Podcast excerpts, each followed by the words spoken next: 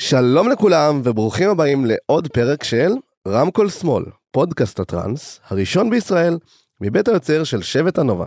היום אירחתי את אמיר חסון, חבר יקר וקולגה, מפיק אירועים ויזם. בפרק דיברנו על הדרך שלו כמפיק אירועים מגיל צעיר בעמק יזרעאל, על החוויות הראשונות בהודו אחרי הצבא והכניסה וההיכרות עם סצנת הטראנס. דיברנו ארוכות על פסטיבל אין שם, האירוע הכי גדול שיצא לאמיר להפיק וכמובן על ההפקה החדשה שלו, זנזון. היה לי פרק מעניין ומסקרן בטירוף, היה לנו המון על מה לדבר ואני בטוח שנעשה פה פרק המשך. לפני שנתחיל אני רוצה להגיד המון המון תודה לחבר'ה מנייטס שעוזרים לנו ודוחפים אותנו קדימה וזה עוזר מאוד. למי שלא מכיר, נייטס זו פלטפורמה ליצירה והפקת אירועים במכירת כרטיסים. כל מי שרוצה להפיק אירוע, אני יותר ממליץ לפנות אליהם. אם אהבתם, נשמח מאוד שתשתפו ותתייגו אותנו. שתהיה לכם האזנה נעימה, מתחילים. תן, תן לי בפתיח. רמקול שמאל, רמקול שמאל, רמקול שמאל, רמקול שמאל.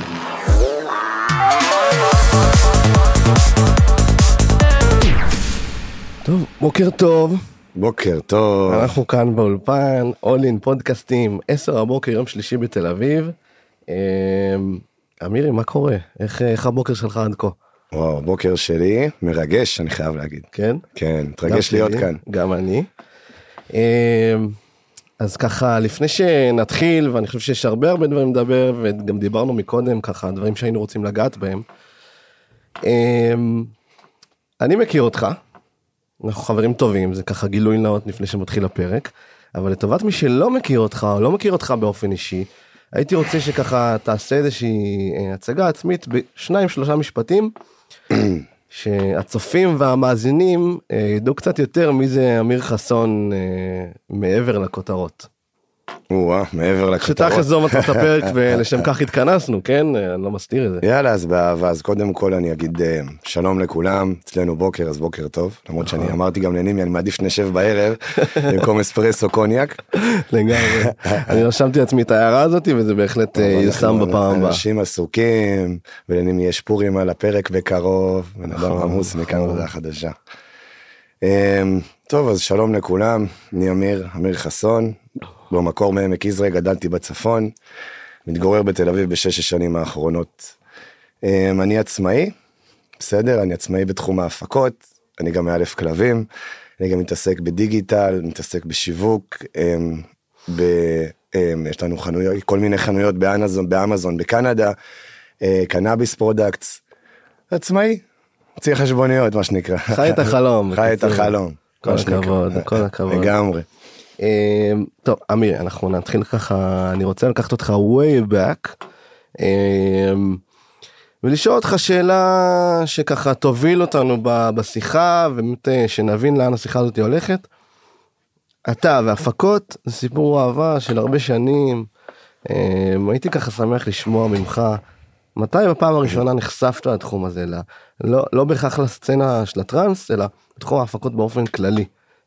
איפה זה קרה, מתי זה קרה ואיך זה קרה. בטח, אז אני אגיד לך.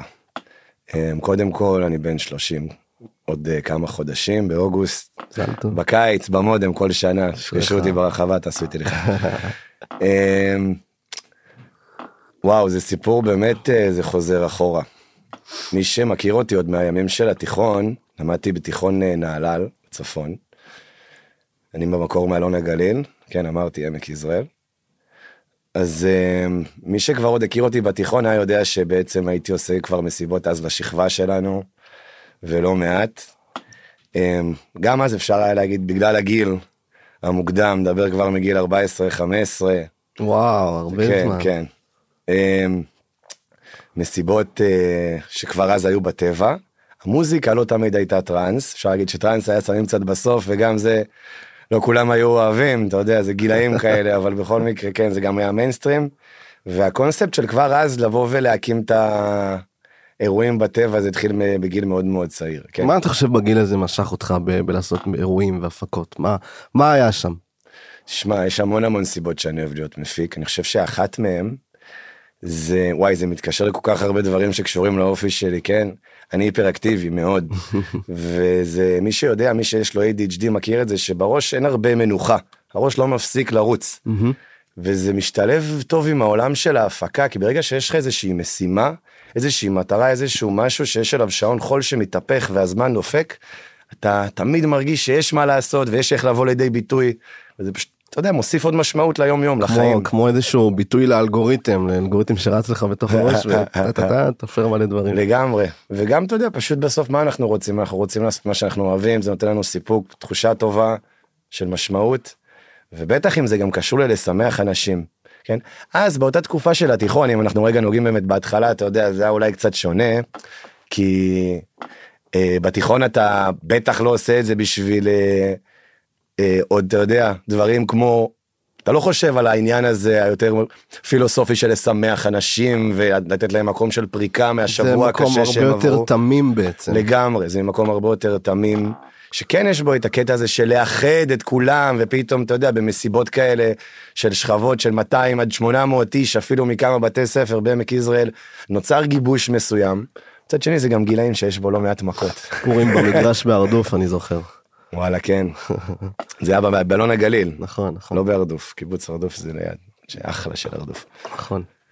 יפה אז בעצם אה, אנחנו מדברים על בערך מכיתה ט' עד. הצבא. אה, תקופת הצבא יצא לך להתעסק בזה או שהיה ככה ניתוק מוחלט מכל העולמות האלה? אז אמ, קח את זה טיפה אחורה כזה לפני הצבא, יכול להגיד שאני סיימתי תיכון ולא ישר התגייסתי, עשיתי שנת שירות, שגם אותה לא סיימתי בסוף עד הסוף, אחרי שמונה חודשים היה לי שם איזה תקרית מצחיקה, שמור את זה ליום אחר, לפרק מספר 2 לגמרי. שהוא יהיה בערב עם קוניאק. יאללה קדימה רשמתי. בקיצור אז זה היה את השנה הזאתי שזאת שנה שיצא לי יותר ויותר להתחבר גם לעולם הזה של המסיבות טבע והטראנס. אנחנו מדברים על 2011 זה היה לפני אוקיי. 12 שנים לא מעט זמן. יצא לי להיות במסיבות טראנס גם לפני אתה יודע אפילו בכיתה י' י' י"א זה היה באמת מזמן אבל לא אתה יודע לא באמת הבנתי מה המסר ומה התדר, ואתה יודע, חוויה של ילד גם בין הבגרויות לפה לשם לדברים וזה וזה. אגב, כן, אני גם פושטק לא קטן שהייתי ילד גם בתיכון, אני את התיכון שלי לא סיימתי עם תעודת בגרות מלאה, חביבי, אותה לבד אחרי הצבא, והיה לי כל מיני בעיות עם משטרה על כל מיני שטויות, אבל ברוך השם, הכל. טוב, הכל בסדר, הכל סודר, היום אנחנו פיקס. אתה זוכר את המסיבה הראשונה הזאתי ש... שיצאת אליה לפני 12 שנה מה זה היה אה, איך באמת קרה שנחשפת לתחום הזה ספציפית. מה קרה שם? וואו, אתה שואל מה קרה שם, ואני זוכר תמונה אחת את, ה... את המסיבה, במסיבה הזאת כשיצאנו החוצה עצרה אותנו ניידת והיה בלאגן כי מצאו עלינו בוף. וואי וואי. אני לא צוחק. אבל כן, אני לא זוכר את השם של ההפקה, אני זוכר שזה היה ב-2010, סוף 2010, איפשהו בכתף שאול בגלבוע, הפקה של גואה, היה חמוד ברמות. אה, וואי, תשמע, זה היה מזמן, באמת, אני לא זוכר, וזה לא היה תקופה גם שהיינו מצלמים, אתה יודע, או מסתובבים עם, אה, אתה יודע, בטלפונים היה, אבל לא מצלמות ברמה איכותית שאתה עושה איתם זיכ- זיכרונות, בוא נקרא. לזה, אז לא תמיד אני יכול לדפדף אפילו ולהיזכר, אז הדברים קצת אה, נעלמים. אה, וכן, אתה יודע, היינו עושים, הייתי עושה הרבה הפקות בתקופה של התיכון. כמה מסיבות בשנה לחבר'ה, וזה היה, היה לנו מותג ולוגו, והיה לנו מוכרים חולצות של זה, והיינו סופר, אפילו יש לי קעקוע של הלוגו. איך היה זה נקרא הקעקוע המותג? הראשון שלי, שזמת. גדול. כן, סיפור מצחיק, היום יש להקה שנקראת שזמת, החבר'ה האלה הם אה, מאלון הגליל, מהמושב שלי, חברים טובים, השם נלקח בעצם אה, במקור מההפקה שלנו של הטראנס. איזה כיף. אה, כן, גדעון, גדעון גידי טרגנו, אחד הסולנים שם, שהוא חבר והוא חבר ילדות גם, הוא גם היה הצלם של המסיבות שלנו. אז אה, כן, איזה כיף. כן, כן, קטעים. יש לי- קעקוע של סמיילי, הקעקוע הראשון שלי, עשינו אותו גם אני חמישה מכיר את חבר'ה. הקעקוע ברור לא ידעתי שזה כן. כן, כן, חמישה חבר'ה עשינו אותו ביחד. כל אחד עשה אותו אחד על הרגל, אחד מתחת לזה, אחד מהם בתחת. כל מיני מקומות הכי הזויים אחי. גדול. כן, זה היה הלוגו שלנו והיום זה אמ, שם של להקת היפ-הופ מאוד מצליחה שאני אגב עושה מוזיקה בת זונה אני ממליץ לכולם שזמת להקשיב. להקה מעולה כן. דש לחבר'ה. דש לחבר'ה שלהם בהצלחה. אמ, כן אז תראה אז באמת בצבא כשהתגייסתי אחרי השנת שירות זה היה נתק מוחלט התגייסתי הייתי לוחם בפלסר גולני עשיתי מסלול ארוך של שנה וארבע שהיה דורש ממך את כל החיים זאת אומרת לבוא ולעשות עוד דברים חוץ מזה לא היה אפשר. כן. אמ, אמ, חצי שנה, אפילו קצת פחות, איזה חצי שנה? שלושה ארבעה חודשים אחרי שסיימנו מסלול היינו כבר ב... בעזה. שם היה גם בלאגן, שזה גם לא הסיבה שלשמה התכנסנו, אבל גם כשיצאתי משם לקח לי מאוד זמן לחזור לעצמי, בוא נקרא לזה ככה, ואתה יודע, העולם הזה היה נראה לי מאוד מאוד רחוק ממני. בפועל, ה... מאז אה, המסיבה האחרונה שלי איפשהו שם באזור של התיכון, אולי גם בשנת שירות, אני לא בדיוק זוכר, לא עשיתי אף אירוע עד שהייתי בצפון הודו. כן, שם אני חושב שאולי גם התחילה, התחילה ההחלמה שלי, תהליך ההחלמה מכל החרא של הצבא. אמ, אתה יודע, לא שאני מיוחד, כן? דור שלם ככה. לא, אבל זו נקודה מעניינת דווקא שברשותך, אה, ואם לא זה בסדר, אפשר גם להוריד את זה בעריכה, ואיך אה, איך באמת היית יכול לתאר את התהליך החזרה שלך ב- ביחד או בייחוס לתוך המסיבות? מה, מה היה החלק של המסיבות וה, והטראנס וה, ונגיד החלק בהודו של החזרה מה, משם? לא, תשמע, כל מי שאני חושב ש... קודם כל לא באתי לפה להוריד דברים בעריכה, החיים שלי תרגיש חופשי, אתה מכיר אותי. בן אדם פתוח, מה שתשאל אני אענה. אמ, כל מי שיוצא למסיבות, כל מי שנכנס לעולם הזה, אני חושב, מתאהב. לפחות בהתחלה.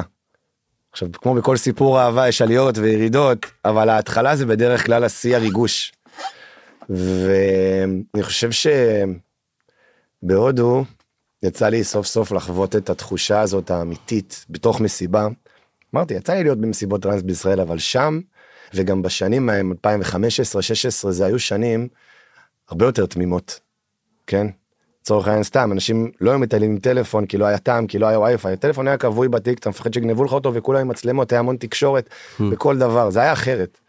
ושם במסיבות היה המון המון המון חיבור והמון אהבה. וגם אני חושב שאני זכיתי להיות בתקופה שם עם אנשים מדהימים מכל פינה, מכל, לאן שאני לא הסתכלתי, היו אנשים טובים ועד היום אני מוקיר על זה תודה, אנשים שעזרו לי בהמון תהליכים של של ריפוי ומעבר לזה גם אתה יודע שמחה עכשיו למה אני בעצם אומר את זה. אני חושב שמתקשר למה שאמרתי מקודם למה שאני אוהב בהפקה שזה ה... אתה יודע. משהו לצפות לו וזה שתמיד יש מה לעשות ותמיד אפשר להיות יצירתי וכל הדברים האלה שאני מאוד מאוד אוהב. זה אומנות בסופו של סוג של אומנות. זה אומנות לכל דבר ועניין לגמרי. אז אמ, זה התחבר הקטע הזה של אתה מאוהב מצד אחד אתה מאוהב פתאום בדבר הזה, בתחושה הזאת של החופש, של האחדות, של האהבה, של הביחד. אמ, כי כל אחד עובר איזשהו תהליך של ריפוי בזמן שהוא ברחבה של טראנס. אני מאמין, בזמן שהוא לא ברחבה, בזמן שהוא נכנס לטראנס, בזמן שהוא מתמסר. המצב של הטראנס בעצם. מצב של הטראנס, מצב של השחרור. אמ, ו... וכשאתה עובר תהליך של ריפוי אתה גם אוטומטית מתחיל אתה יודע זה מלא אותך באופטימיות ובשמחה ובאהבה לבריאה. מתי הרגע ש... אם אתה זוכר שהבנת שעכשיו אה, מתחיל איזשהו תהליך או פעם ראשונה שהרגשת איזשהו תהליך של ריפוי אה, בין אם בתוך ובין אם לא בתוך אה, רחבה של טראנס. אוי, אתה יודע אני לא חושב שאני מסוגל רגע לשים על זה את האצבע. תראה, הייתי מאז, אני, אני, אני זוכר שזה היה בהודו, אבל הייתי שבע פעמים בהודו מאז, mm-hmm. זאת אומרת, במסתכם, ואני לא אשקר באיזשהו מקום, עם הזמן והפעמים שאתה שם, הדברים קצת מתחילים להתערבב לך. אני חושב שמי ש... כן, מי שהיה כמה פעמים יודע שאתה כבר מתחיל הכל מתערבב לך מתי איזה שנה רגע את מי הכרתי מתי מה פה מה שם אפילו אירועים שאני עשיתי פתאום מתבלל בז'אני גורם לי להרגיש סופר זקן אחי אחוז שרמוטה באמת יאללה קוסומו. ממלכתיות אני סליחה אם אני מקלל ביקשת ממלכתיות הכל טוב אני לא ממלכתי. אין שום בעיה. אז אם אנחנו רגע מדברים על הודו ועל התקופה שם אחת מכל אה, שבע הפעמים שהיית שם. מתי בתכלס אה, התחיל הנושא של ההפקות אה, של מסיבות טראנס שאתה מפיק. איפה זה קרה אתה יודע אתה יודע זוכר להגיד את האירוע הראשון? אמ, אתה יודע מה, אני זוכר להגיד את כל האירועים, אם אוקיי. אני אתחיל עכשיו, אבל אני רוצה דווקא לשים את האצבע בגלל הזמן שיש לנו על אירוע ספציפי שהוא מבחינתי היה איזשהו אה, שיא.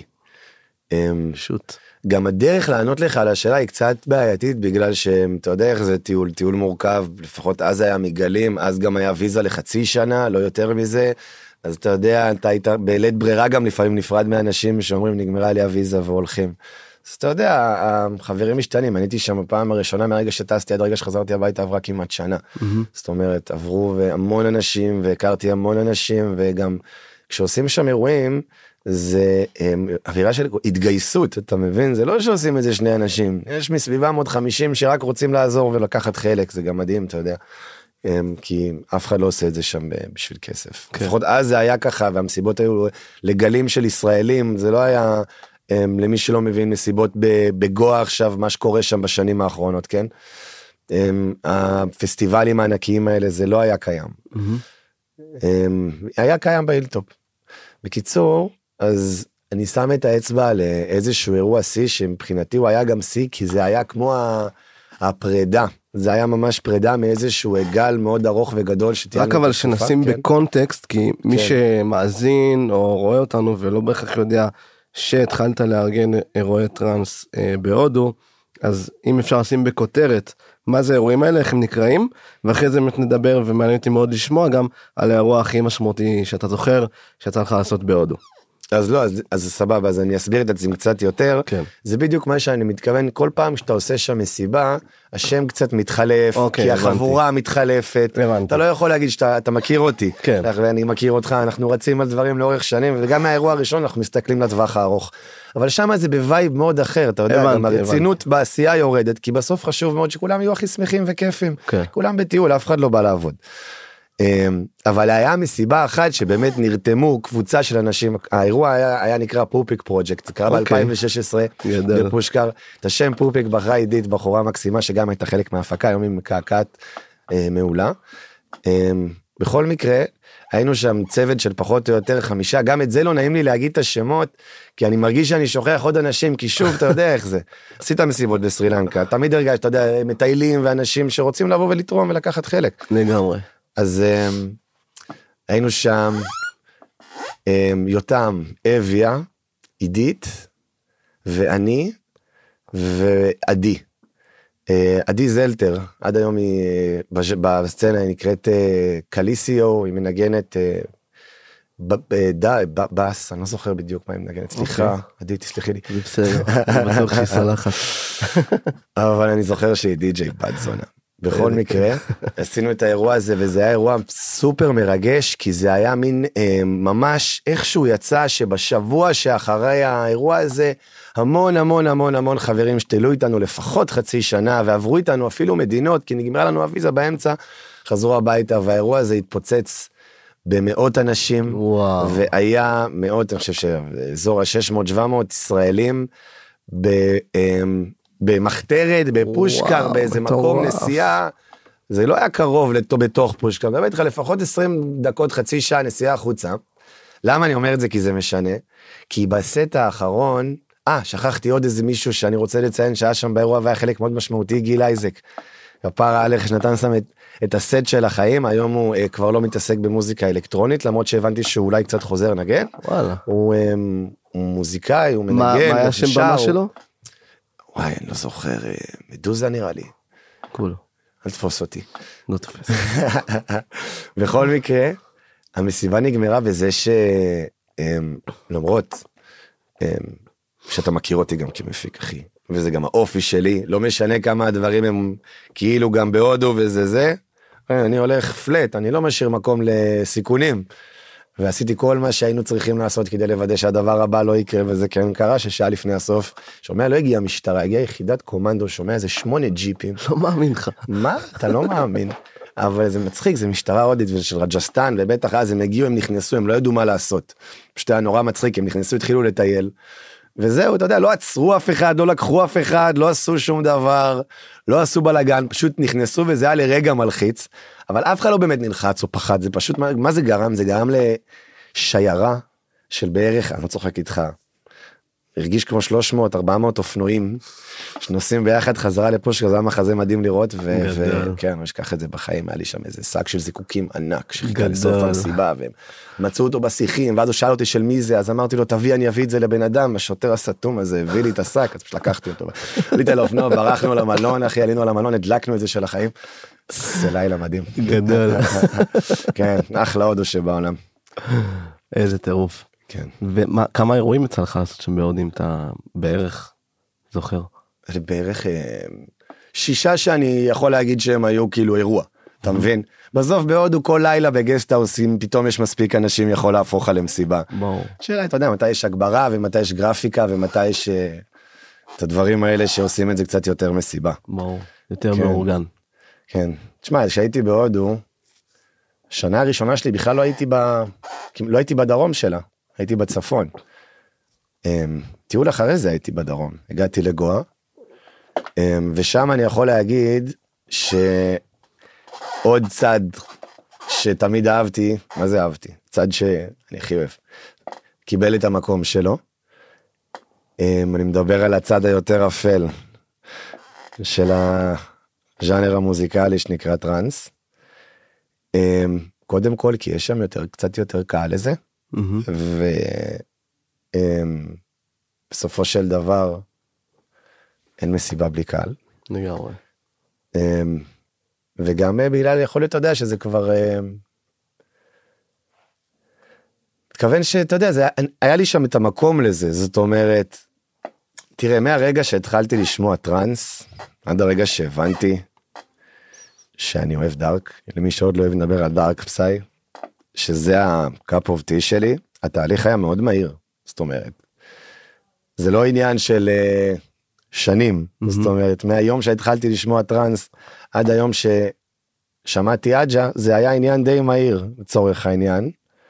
לא הולך ישר על הצד הכי דארקי של הספקטרום מדבר על האג'ה שהוא דארק פסאי קלאסי כן. לצורך העניין ככה הוא מגדיר את עצמו. אני חושב שזה גם יפל. בא ביחד עם ה- עם החשיבה המהירה והקראת לזה ADHD וכאילו כל התזזיתיות זה גם משהו שמאוד מתבטא בתוך המוזיקה הזאת. אתה אני מאוד מסכים איתך אני חושב שזה גם אתה אולי אומר כי אתה כבר מכיר אותי חד משמעית. ואני גם מכיר המון אנשים כאלה.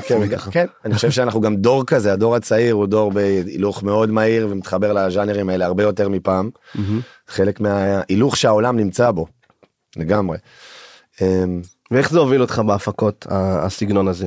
לאן זה לקח אותך? אז זהו אז אני יכול לספר לך שכשהגעתי אה, הייתי חצי שנה בגואה ושם היה קרחנה של החיים זה היה ב-2016 לתוך 2017 אה, וחזרתי לארץ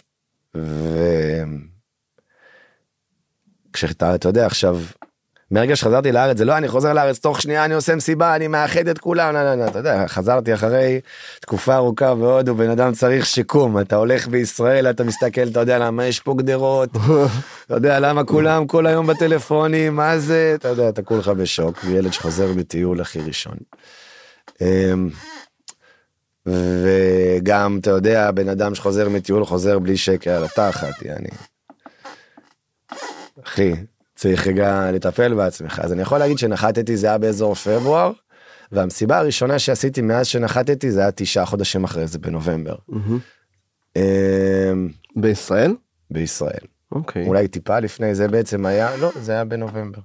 זה היה פריאמבקה הראשונה אוקיי. שזאת אה, מי ש... לטובת מי שלא יכיר אני אסביר פריאמבקה זה השם של אה, ההפקה אה, שלי ושל רועי פלג טנטגרם שותפי הטוב היקר משכבר. הכי יקר. בעברנו היה לנו עוד שותף שהתחיל איתנו מהאירוע השני והמשיך איתנו עוד כמה אירועים קדימה קראו לו טיגרן שם ישמור אותו. אמ, ואני מחזיר שנייה לנחיתה אז אתה יודע היה צריך איזה כמה חודשים של התאקלמות באמת ובמקרה לגמרי באפריל או זה היה במאי במקרה כזה של אה, אתה יודע חברים מכירים חברים הכרתי את רועי פלג בים רועי ואני טיילנו בהודו באותו זמן אבל לא. אמ, לא יצא לנו להיפגש וגם רועי וטיגרן טיילו בהודו באותו זמן ולא יצא לנו להיפגש. גדול. אמ, זהו זה בעצם היה חיבור חיבור מוזיקלי כזה כשפגשתי את רועי הוא כבר היה הוא היה באמצע לימודים רועי הוא, אמ, הוא אה, עובד, הוא מהנדס, הוא הנדסאי קול, מעולה דרך אגב, באחד מהטובים שאני מכיר בסאונד, עשה שנה ב-BPM ואחרי זה שלוש שנים ביואב גירה, כשהכרנו לדעתי הוא כבר היה בשנה ב' לקראת סיום, בסדר? אמ, ובעצם ביחד, בהתחלה אני והוא רקמנו את ה... אמ, את הדבר הזה שלימים נהיה פריאמבקה. שם מפואר כזה. שם פריאמבקה, מה זה אומר בתכלס? אין לזה שום משמעות. שום משמעות בגדול מה שקרה זה שזה סיפור מצחיק כאילו אני נורא רציתי לעשות אירוע ולא היה לי כוח להתעכב על השם ודברים כאלה בזמנו. אגב אני לא יודע מה אני חושב על השם הזה כל כך כן אבל אבל תפס, אנחנו אחרי זה כבר, יאללה. נו, זה. מה שחשוב אהבתי גם את הלוגו. קרדיט לשחר גרדה הגרפיקאי הגאון. בגדול רועי הציע לקרוא לה, אה, להפקה טריאמבקה טריאמבקה זה אומר העין השלישית זה באינדי. ורצנו על זה אמרתי לו יאללה סבבה שמחתי עליו שהוא יודע מה הוא אומר. אמ, ורצנו עשינו לוגו הכל היה מוכן הכל עמד הכל היה פיקס. ואז אמ, החלטתי שאתה יודע איך לא עשיתי את זה לפני צריך לעשות איזה חיפוש קטן בגוגל על המילה חשוב מעבר לזה שאתה יודע מילה היום צריך צריך אני ממליץ לאנשים ש, ש, שעושים הפקות דרך אגב מפיקים צעירים תבחרו אה, מילים שם של ההפקה שזה מילה שזה לא קיימת שבחיפוש זה מוצא רק אתכם כן. חזק. כן בכל מקרה אז אה, חיפוש קצר בגוגל אה, ולמי שאוהב פולון מכיר זה גם אומן די ותיק פורטוגלי שנקרא טריאמבקה זאת אומרת השם הזה כבר קיים. אה, וראיתי את הדברים האלה קורים ראיתי אנשים שבאים אתה יודע ראיתי כל מיני הפקות שקורות בברזיל ואז הן פתאום קורות פה וזה לא קשור אנשים מאמצים שמות מפה כן. ומשם. אבל אמרתי שזה פחות מתאים לי אז לא היה לנו זמן כי כבר הכל עמד והגרפיקה מוכנה אז אמרנו טוב מה עושים אני מתייעץ עם, עם, עם גרדה עם הגרפיקאי. מסתכלים מה קורה טוב בוא נעשה ניקח את ה-T נמתח אותה למעלה נעשה עוד קו באמצע יצא לנו F יאללה נזרום. אתה יודע בסוף אתה יודע מה זה הפקה יש לו"ז אחי צריך לעמוד בזמנים לגמרי. מה לעשות. אמירוס, יש לי ככה איזה אירוע אחד בראש שאני, כשאני חושב עליך כמפיק אירועים אני נזכר בו. אה, ואני חושב שחשוב וראוי לתת לו את הבמה ואת הציון ובאמת הייתי רוצה שככה לשמוע ממך אה, על האירוע הזה תספר גם אה, איך עלה הרעיון ובאמת על כל התהליך שקרה אה, באותו אירוע ב- אה, בשיטים. וככה לשמוע באמת איך, איך הגית את הרעיון ואיך אה, שיטים זה אשרם במדבר למי שלא אה, למי שלא מאיתנו מכיר שיטים זה שם חדש שהיה רק בשנה האחרונה כשהאירוע כשאני עשיתי את האירוע הזה עוד היה נקרא אשרם במדבר. אוקיי סליחה תמשיך. זהו אז כן אז אה, באמת אה, האירוע הזה לי הוא זכור כאיזשהו גוללת הכותרת ומהתקופה לפחות שאני מכיר אותך זה הדבר שלי הכי תפס את העין והדבר שעשה פה איזשהו הד מטורף שלי לא יצא אף פעם לראות אה, בישראל לפחות בשנים שאני יוצא. אה, תודה רבה. אז זה ככה קוריוז ממני אבל באמת הייתי רוצה לשמוע ממך דווקא מהנקודת מבט שלך. מה גרם מה שאתה איפה איך נשתל הרעיון איך הוא התפתח בתוך הראש שלך ואיך זה קרה אתה יודע הלכה למעשה כי בסוף הפקה זה תמיד מתחילה ברעיון וצריך פשוט להמשיל אותו ו... אחי על השאלה. הזאת שאתה שואל עכשיו תישען לאחור יש לי כל כך הרבה מה לענות. אנחנו. כאן ויש זמן. אני עדיין אנסה לתמצת את עצמי כמה שיותר. קודם כל אה, אני אגיד לך תודה. אתה יודע מה אני אעצור שנייה ואני גם אגיד את זה בהתחלה וברח לי תודה רבה שהזמנת אותי לפה תודה רבה לכל משפחת הנובה המדהימה. הגדול. יש פה התרגשות כללית במדינה לקראת האירוע שלכם בפורים. ואני אישית מאוד מאוד מאוד מחכה סוף סוף כולנו. להרחבה הזאת אחי חג של הטראנס. כולנו כולנו תודה רבה. אמ, תראה, אני אענה לך על השאלה הזאת, אבל לפני שאני אענה לך על השאלה הזאת, אמ, בא לי לגעת בעוד משהו שחשוב לי לדבר עליו בסוף.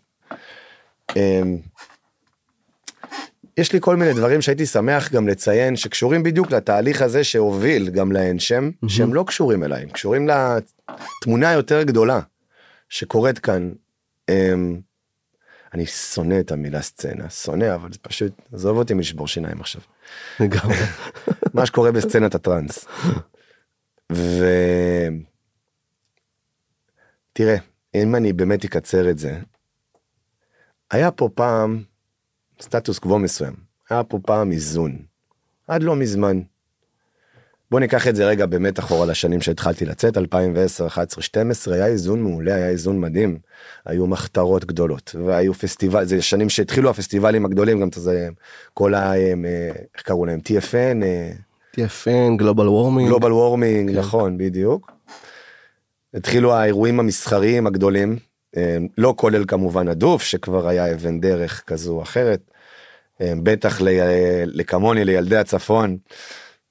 אמ, היה איזון, זאת אומרת, תמיד היו אמ, המון מפיקים, המון הפקות, מחתרות וכאלה, אבל התחושה הכללית, לפחות שאני יודע, ממה שאני יודע, זה שלא היה אמ, אויבות, או מלחמה, או רצון כזה או אחר לפגוע. היה איזשהו, כמו שאני, אתה יודע, לפחות ראיתי את זה, היה, גם בין ההפקות היה איזושהי אווירה של כולנו למען מטרה משותפת של, שהיא כזו או אחרת, whatever, לא רוצה, לא, אני לא אוהב להישמע היפי, אבל אתה יודע, אהבה, חופש, whatever. כן. ו... אחרי זה נכנסנו לשנים קצת יותר בעייתיות. נדבר כשהש... ככל שהשנים מתקדמות קודם כל חשוב לציין באופן כללי רגע ברמה הכי פרקטית. למי שלא יודע לשים על זה את האצבע בישראל יש בנייה מואצת בטירוף וכל הזמן בונים פה עוד ועוד ועוד ועוד ועוד. במילים אחרות אני אומר השטחים הפתוחים הולכים ואוזלים. נעלמים יש יותר יישובים ולכן גם אמ, יש אמ, יש איזשהו אה, מצב כזה שהרבה יותר קשה לייצר מחתרות. זה התחיל בשנים האלה ספציפית. עכשיו מי שהיה אז גם יודע זה גרם להמון שינויים שבאו ביחד. זה מתחיל מהשינויים האלה של הבנייה רגע שלוק מהקפה. שינויים האלה של הבנייה שהם וכמובן אה, מה שאמרתי שהם יצרו זה גם כמובן שינוי של הדור שמתחלף שנהיה יותר יותר ויותר בהילוך גבוה זה קשור לזה שהמציאות נה- נהייתה יקרה יותר אז הזמן של אנשים הוא יקר יותר.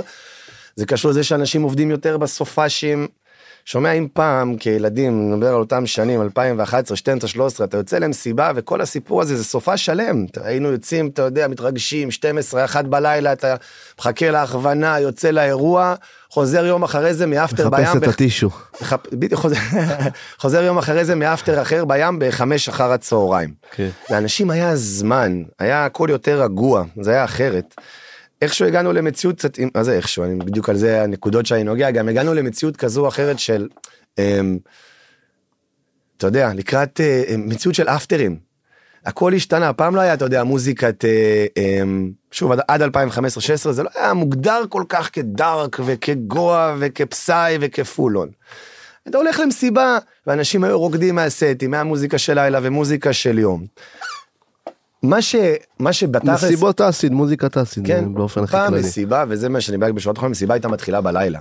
אפטרים זה תרבות שהתחילה בשלב יחסית מאוחר של הדבר הזה שנקרא טראנס, אתה מבין? אפטרים זה המצאה פחות או יותר ישראלית, עד היום בעולם עושים רייבים. זאת אומרת, יש דבר, יש מסיבות כאלה בעולם, אבל זה לא ממש עובד. למה אפטרים עובד בישראל ואיך הגענו לשם בכלל? אתה יודע? אז אני בדיוק בא ואני אומר, זה התחיל מהשנים האלה ומהסיבות האלה. קודם כל, נהיה מאוד קשה לנגן מוזיקה בלילה. ואני אומר את זה כבן אדם שהפיק מסיבות דארק ומחתרות גם עד 2019. בהיבט של הקמות רעש אתה מתכוון. חד משמעית, משמעית, תלונות על לגמרי. רעש, מעבר לזה שאנשים ששומעים את המוזיקה הזאת, אחד מהתענוגות שהם לכבודה באים לאירוע זה ליהנות מהסאונד. לגמרי. לכן צריך להגביר, אתה מגביר, הסאבים הנמוכים מגיעים רחוק מאוד, אמ, הסאבים שולחים את הבאס רחוק מאוד, ואתה יודע, זה כבר מקבלים תלונות על רעש וזה סכנות סגירה. אז זה, גרם אה, ליותר ויותר מסיבות לילה להיסגר. תוסיף על זה את זה שלאנשים נהיה הרבה פחות זמן. אתה יודע, אני מכיר, יש פה דור מסוים, ואתה יודע, זה לא, אני לא חושב שהוא פחות טוב או משהו כזה, זה העולם, הכל סבבה.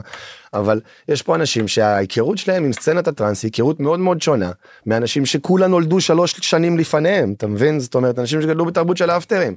זה קמים ב-10 בבוקר, מגיעים למסיבה ב-12, בועטים עד 7 בערב, 8 במקדונלדס, 9 תשע חזרה בבית. כי יותר יקר לי בעיר אז אני ארצה לדחוף את העוד סתם אם אני עכשיו- בראש של ברמן את העוד משמרת בשישי בלילה. לגמרי. אני חושב שיש באירוע של טראנס חשיבות מאוד מאוד גדולה לאורך.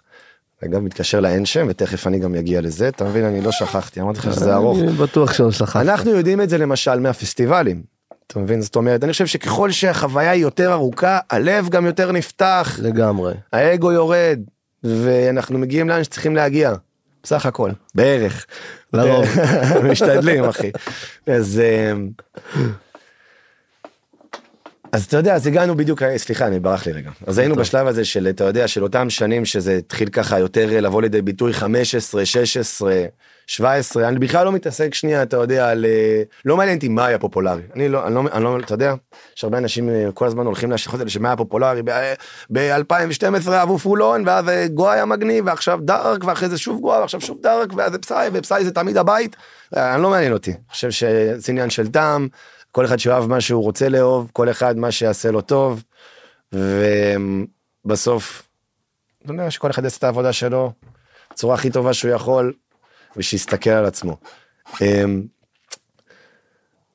אני בא לדבר על השינויים שזה עשה בעקבות ה... אמ, אתה יודע, השעות של המסיבות ואיך שזה קרה ואיך שזה היה נראה. עכשיו, זה מה שהיה באותה תקופה שהתחילו האפטרים, אבל היא מאוד מאוד, אתה יודע, זה לא בדיוק איך שהתחילו, התחילו קצת לפני, וממש לא הרבה אחרי, אמ, האמת שדיברתי איתך על זה גם מקודם, לא אם אתה אה, בטח. זוכר ציינתי את זה נכנס פה עוד אלמנט מאוד מאוד מאוד חזק ששינה פה עשה פה עוד איזה שינוי מאוד מאוד גדול בעולם הזה של הטראנס ואני בדרך כלל שוב פעם אני נוגע במחתרות כי המחתרות זה הלב זה, הפו- זה, זה הבית זה ה... שמה אתה יודע.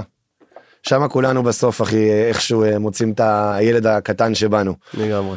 ואני מדבר על הרגע שבו נכנסו הטלפונים הסלולריים יותר נכון הקטע של הסמארטפונים.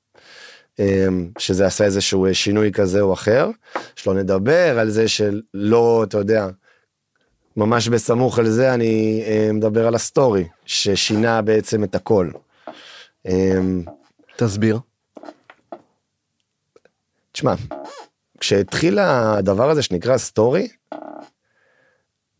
אמ, באופן כללי אני חושב שעדיין העולם עוד לומד לקבל את כל הטכנולוגיה הזאת שנפלה עליו בבום אחד גדול אחי את כל הדבר הזה את כל ה... אבל אז אנשים ממש לא ידעו איך להתמודד עם הדבר הזה אתה מבין? ואחד מה מה שהיה קורה פשוט בהתחלה לפחות זה שכל מחתרת טובה שהייתה קורית מישהו או מישהי שאולי לא היו שולטים בעצמם ולא בקטע רע היו מעלים היו מעלים סטורים רוצים להראות שהם שם ואז זה היה מתפשט כמו אש בשדה קוצים. אני מדבר איתך לפני שש שנים זה לא בזמן האחרון אתה מבין? זה היה טוב. שגם הרבה תעשיות וסצנות ו- ותופעות אה, התגברו סלאש חטפו השפעה כזו או כן, אחרת. כאילו לא, אני מתכוון שאנשים אז הם אמרו אם אני רואה את זה, אתה יודע, הם היו רגילים שכאילו יש מסיבה והם לא רואים שום סרטון ושום תמונה מהמסיבה רק אחרי זה, רק אחרי שהמסיבה נגמרת והמפיקים חוזרים הביתה ומעלים דברים, אתה מבין? ככה זה היה לפחות. עכשיו אנשים אולי פשוט אתה יודע אני לא יודע אולי יש מצב שהם היו רואים כאילו אה המסיבה הזאת בסטורי בפייסבוק הכל סבבה יאללה בואו נלך היו באים בהמוניהם והמסיבה הייתה נסגרת כן. גרם לפגיעה גם של האמון של הקהל שאתה יודע כל הנושא של אמון הקהל זה משהו שצריך תמיד לדבר עליו היום יותר מתמיד. אני עוד רגע בכמה שנים אחורה. אז אני מדבר על השינויים האלה שהסטורי עשה אמ, באותו זמן למחתרות.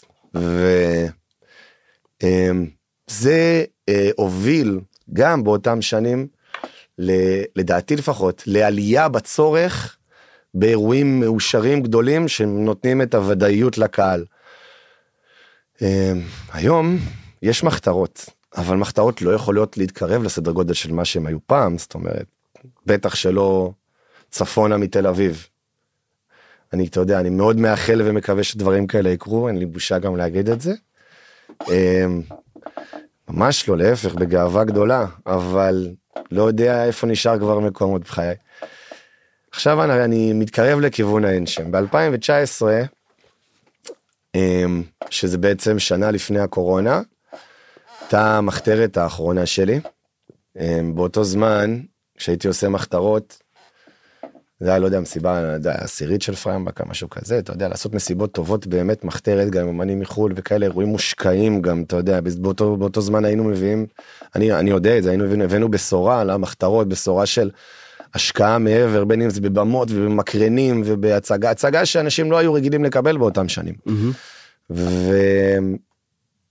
ובאותו זמן פשוט נטו בשורה התחתונה לא הייתי עצ... לא הייתי עצמאי הייתי שכיר הייתי עובד בחברת החשמל את האחלה של עבודה.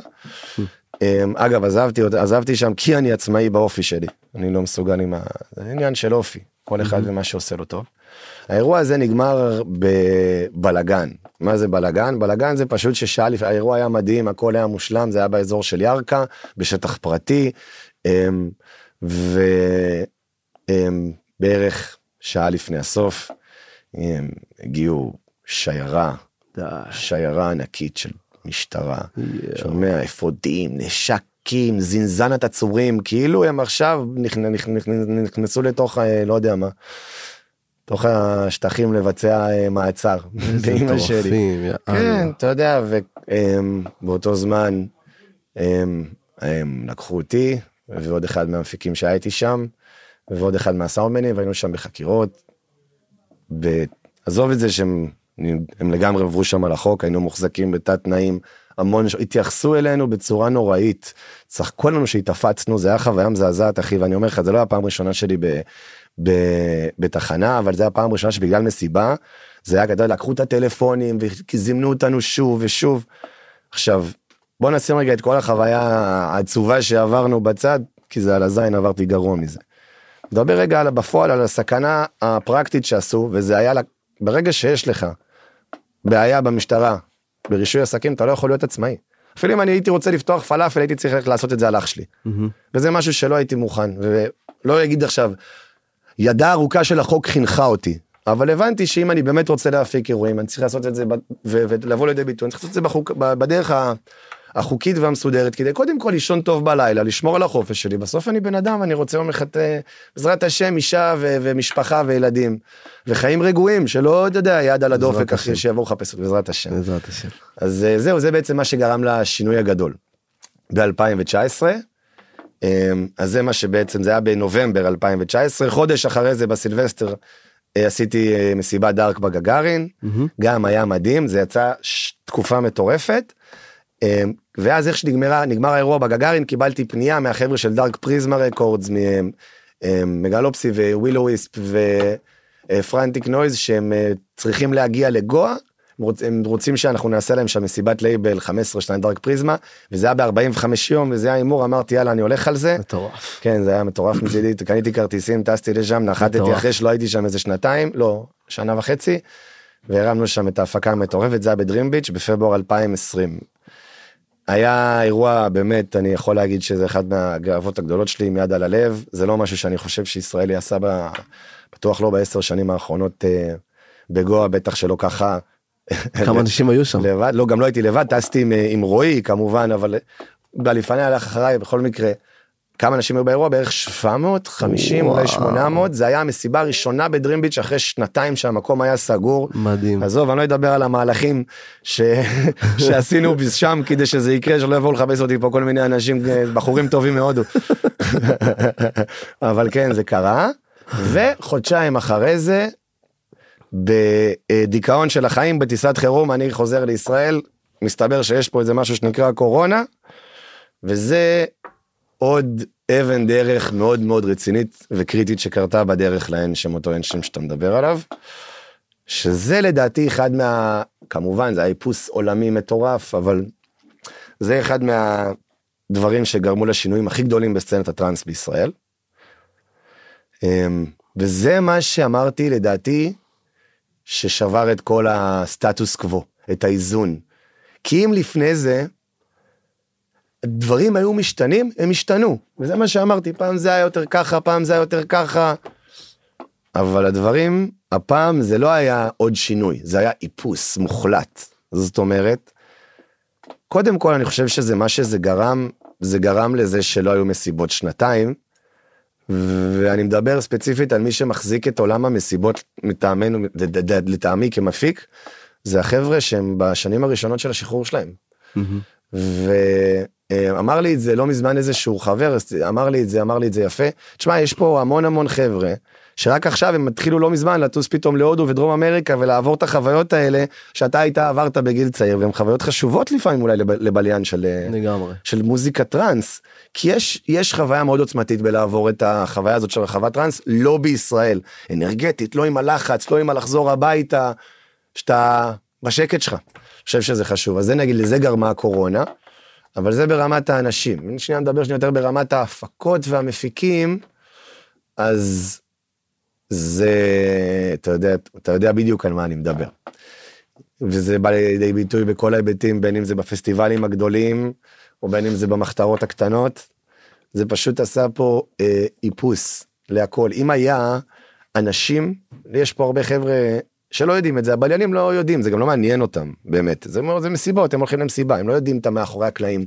יש כאן איזשהו אנשים, ולא, יש כאן איזשהו אנשים, יש כאן לא מעט אנשים שהם במאחורי הקלעים של הדבר הזה שנקרא המסיבות, וזה הם, הסוכנויות, וזה כמובן האומנים, הסוכנויות של האומנים, הסוכנים שלהם, והאומנים, והמפיקים, וכל מי שמתעסק בלוגיסטיקה של אירועים. הספקים היקרים. בדיוק, ספקים. היקרים ללב, לא לכיס. לפעמים גם לכיס. הכוונה הייתה ללב. בישראל יש משהו שהוא, תגיד לי, לא יקר לכיס. לגמרי, לגמרי. תראה את האקסלים. בקיצור, אז אמ, וואלה, איפה הייתי אחי? על, האיפוס שזה עשה. בקיצור, זה עשה איפוס מטורף, אתה יודע. מה זה נקודה מעניינת שאתה מעלה כאן אני חושב שאני כמפיק זה זווית נורא מעניינת בשבילי להסתכל עליה כי בתכלס אני עושה מסיבות טראנס מתחילת הקורונה או בערך מהתקופה שהיה אפשר להתחיל לעשות אירועים בקורונה. לפני זה הגעתי בכלל מתחום אחר מסיבות מיינסטרים וככה כל השיפט הזה קרה בצורה מאוד מאוד מסוימת וספציפית שאת מה שאתה מתאר בעצם את התוצרים שהקורונה יצרה בשביל התעשייה או הסצנה אני קיבלתי בלי לדעת מה היה לפני זה אז נורא מעניין אותי לשמוע ממך איך זה היה לפני זה. בוא, אני אתן לך נקודה מעניינת. רוצה? יאללה. סופה של האנשם שהיה. אתה זוכר מה עוד היה באותו סופש? לא לא זוכר סליחה. היה מסיבת חזרה של Groove Attack בצוק הנשרים נכון עם טריסטן נכון. ועוד אחד. אחי זה זה היה היה גם לאו לאו. תקשיב לי טוב. מסיבה של Groove Attack עם lineup כזה בצפון. זה משהו שלפני שש שנים היה שובר את השוק. אתה. מבין? באותה תקופה כן אנחנו מדברים על 2021. 21. קח את זה כמה שנים איזה שש שנים? נובמבר 20. שלוש ארבע שנים גרוב עתק אחי נתנו בראש אחי עד לא זוכר עד איזה שנה. 2019. 2019 לגמרי. כן. אתה מבין? זה חלק מה... מה... זה עכשיו עוד רגע אני גם אגע בזה. ובפועל בהן שהם היו יותר אנשים. אני חושב שגם באותו סופה שהיה אירוע של, לאו אה, לאו. לאו לאו. כן, הייתי שם. וגם היה שם המון אנשים. כן. אמ, זה דוגמה לכמה דברים השתנו אני חושב שלצורך העניין הדור הצעיר גם היה באיזשהו מקום קצת מתוסכל על הדור המבוגר שכל הזמן מדבר על כמה טוב היה. אז הוא לא רוצה את מה שהיה. הוא רוצה אחר הוא רוצה חדש. כן. אמ, יכול להיות. יכול להיות עוד כל מיני דברים יכול להיות שיש אני חושב שהקהל היום חכם יותר לא רק הקהל המבוגר אני ספציפית פונה שוב פעם לרוב למסה של הבליינים בין 20 30 הם חכמים יותר הם יודעים מה אמיתי ומה חרטא הם, יודעים לזהות יותר מה אמ, נעשה ממקום טוב של אהבה ומה לא. והם הם, הם רואים את הדברים האלה אבל אתה יודע זו סתם דוגמה בקיצור לזה שהדברים הם, הם כל כך השתנו ברמת ה... תראה, אני חושב שבכללי העולם שלנו משתנה מאוד מהר. כן. הכל זז, הכל מתחדש כל הזמן, וזה פוגש אותנו בכל מיני אה, פינות ותחומים בחיים. אני חושב שדווקא היכולת שלנו ושלך, אני מדבר ספציפית, להסתכל על השינויים, לעשות את ההתאמות, האדפטציות שלך, ולהתאים את עצמך לשינויים האלה, זה מה שמוביל את ה, באמת את הצמיחה המטאורית, את היכולת לעשות דברים משמעותיים ולא להישאר מאחור.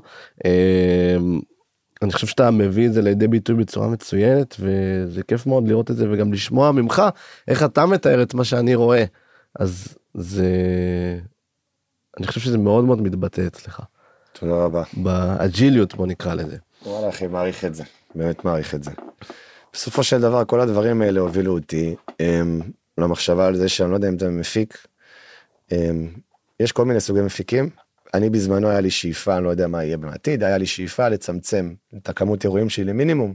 אחד בשנה שאני עובד עליו חצי שנה, שזה איזושהי אבן דרך, שזה מה שזה היה אמור להיות עם המשכיות. היום האשרם שיטים כבר לא עובד, הוא הפסיק לעבוד, ומעבר לזה היה לי שם אה, פשוט סכסוך אישי עם אחד מההנהלה, שלכן אה, אה, הדברים לא קרו, לא ניכנס לזה. אבל כמו כל דבר בחיים האלה, הכל קורה לטובה. אה, ודבר הוליד דבר, וחודשיים אחרי זה נולד, נולדה ההפקה החדשה והאחרונה שלנו, יחסית חדשה, כבר בת שנה, בשילוב עם זנון רקורד, זו הפקה של זנזון.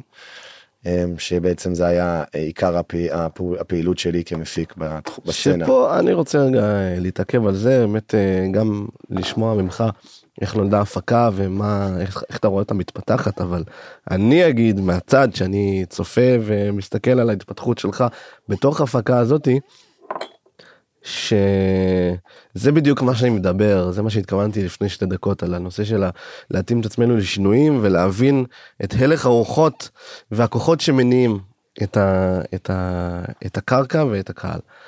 ופה זה מבחינתי בא לידי ביטוי בצורה מושלמת, זאת אומרת, ממצב ש Zenon זה בתפיסה שלי לפחות ויכול להיות שאני טועה איזשהו תת ז'אנר חסר הכרה או משהו שהוא שמור לנחלת הוותיקים ורק המביני עניין ומשהו מאוד מאוד sophisticated להפוך אותו ל...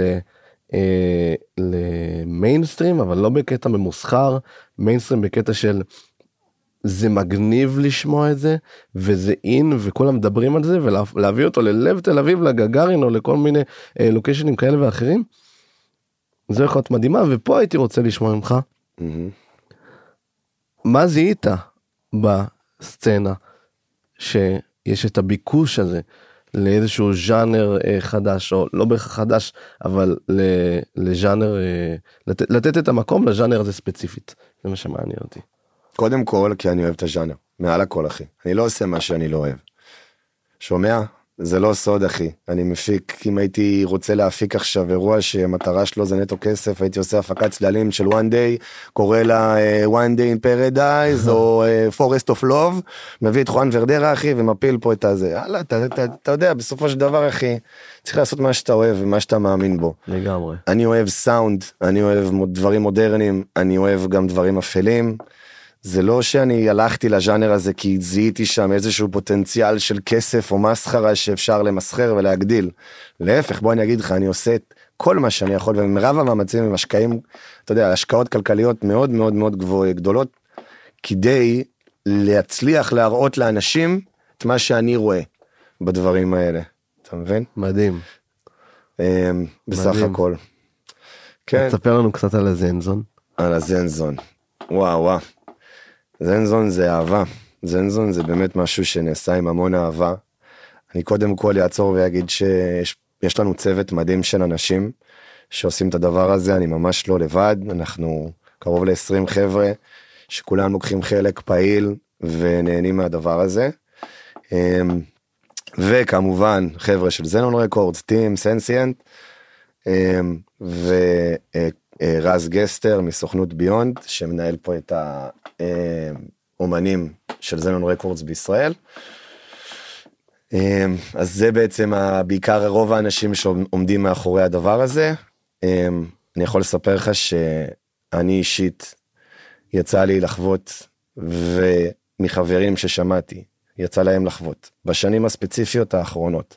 שזה גם קשה לקורונה ובלי לחפור אתה יודע נגמרה הקורונה היה בום מבול של אירועים. כל המפיקים רצו לעשות אירועים בבת אחת. הפק, הפקת אירועים מובנית על מוניטין ומומנטום. זה שני הדברים שצריך. אם אין לך. אותם אל תצא.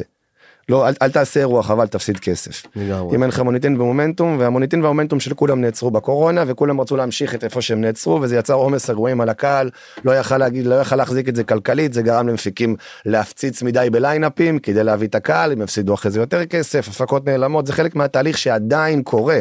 זאת אומרת האירוע הגדול הראשון הפסטיבל הגדול הראשון שהיה אה, של אחרי הקורונה זה היה בנובמבר לפני שנה וכמה חודשים חודשיים כולה. זאת אומרת תהליכים בטווח ארוך הם עוד קורים. אמ, אבל אמ, בשורה התחתונה אחרי שנה לדעתי של כמות אירועים מטורפת שהיו ואני שם את זה על השולחן פה אני לא מתבייש להגיד ביזיון. ביזיון כי אני אני יודע מה זה להפיק אירוע אני יודע אני יודע מה זה אקסל אני יודע מה העלויות של כל דבר אני יודע בדיוק מי חוסך על הקהל שלו איך כמה ולמה ובאיזה צורה. וזה לא נעים לי בגוף. זה עושה לי באסה זה עושה לי חרא זה פוגע בשם של המקצוע שלנו. ואמרתי די מספיק. אני רוצה לבוא ולהציע משהו אחר. מעבר לזה שאתה יודע בואו אם רוצה שקיפות יש שקיפות להכל. הגיע הזמן שיהיה אנשים שיקבלו מוצר שהוא מובטח. שלא יהיה את כל ה-trust issues המחורבנות האלה שיש לקהל בהפקה. שבן אדם רואה את השם של ההפקה קונה כרטיס למה בטכנו זה קורה למה בטראנס זה קורה אבל רק במקומות מאוד ספציפיים בקהילות. אתה מבין זה מה שאנחנו רוצים לבנות וזה מה שאני יודע שגם אתם רוצים לבנות ואנחנו עושים את זה מאוד מאוד יפה. אמ. ואני חושב שזה בסופו של דבר אולי, אתה יודע, הצורך הכי חזק היום של הקהל שלנו בסצנת הטראנס, וזה אמון. הסצנה הזאת הפסידה המון המון קהל מאוד מאוד יפה והמון אנשים מאוד טובים, כי הם פשוט הפסיקו לסמוך על הפקות ומפיקים, והם אומרים הזמן שלי והכסף שלי שווים יותר. ווואלה לא בא לי ללכת, נמאס לי. אז אמ, כל מי שנמצא עכשיו בבית, דרך אגב, או באוטו, או whatever, איפה שהוא fucking לא יהיה, שידע שעוד יש הפקות שקיימות במדינה הזאת שאכפת להם. ויש מפיקים שאכפת להם מהזמן שלכם ומהכסף שלכם. ואתה יודע מה, אני אפילו אסתכל למצלמה שאני אומר את זה. ויש מפיקים פה במדינה הזאת ויש הפקות שבאמת עם יד על הלב אכפת להם מהכסף שלכם ואכפת לכם אכפת להם מהזמן שלהם שלכם והם באמת רוצים לה, ועושים את הכי טוב שהם יכולים כדי להבטיח את החוויה הכי טובה שיש וש... שיהיה פה טוב אחי שיהיה טוב בעזרת השם. אמן, אמן, אמן. אמן.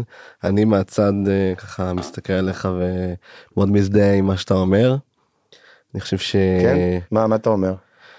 אני חושב שאני בהחלט רואה איך זה בא לידי ביטוי בעשייה שלך, זאת אומרת אם זה בדגש על כל נושא הארט והאומנים והקהל והלוקיישנים ומה שאתה אומר זה לא סתם סיסמאות אז זה כיף מאוד לשמוע אותך אומר את זה מבטא את זה איזה החוצה. כי זה ממש מורגש הלכה למעשה בהורים שלך כן. אז לגמרי שלא יודע גם יצא לנו לעבוד ביחד לפני חצי שנה הפקנו יחד אירוע זה היה חוויה מדהימה מדהימה למדתי רגע המון, לשבח רגע אותך. מטורף. היה אושר גדול ותענוג גדול לעבוד איתך.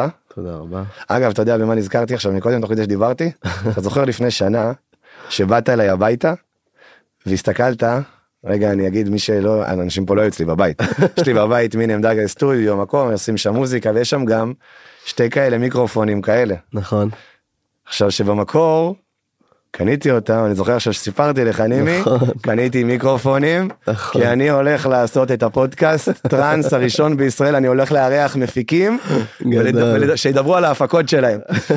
ואז אמרת לי יואו זה רעיון מדהים ואז נתקעתי עם זה. היה לי איזה מבחן מישהו היה צריך להרים את הכפפה תשמע הרמת אותה ועשית. את זה לא עשיתם את זה בצורה הכי טובה שיש אתה יודע ואני מפרגן. אחי אני אוהב מה. בטח. איזה כיף ותודה רבה שהזמנתם אותי אחי היה כיף גדול.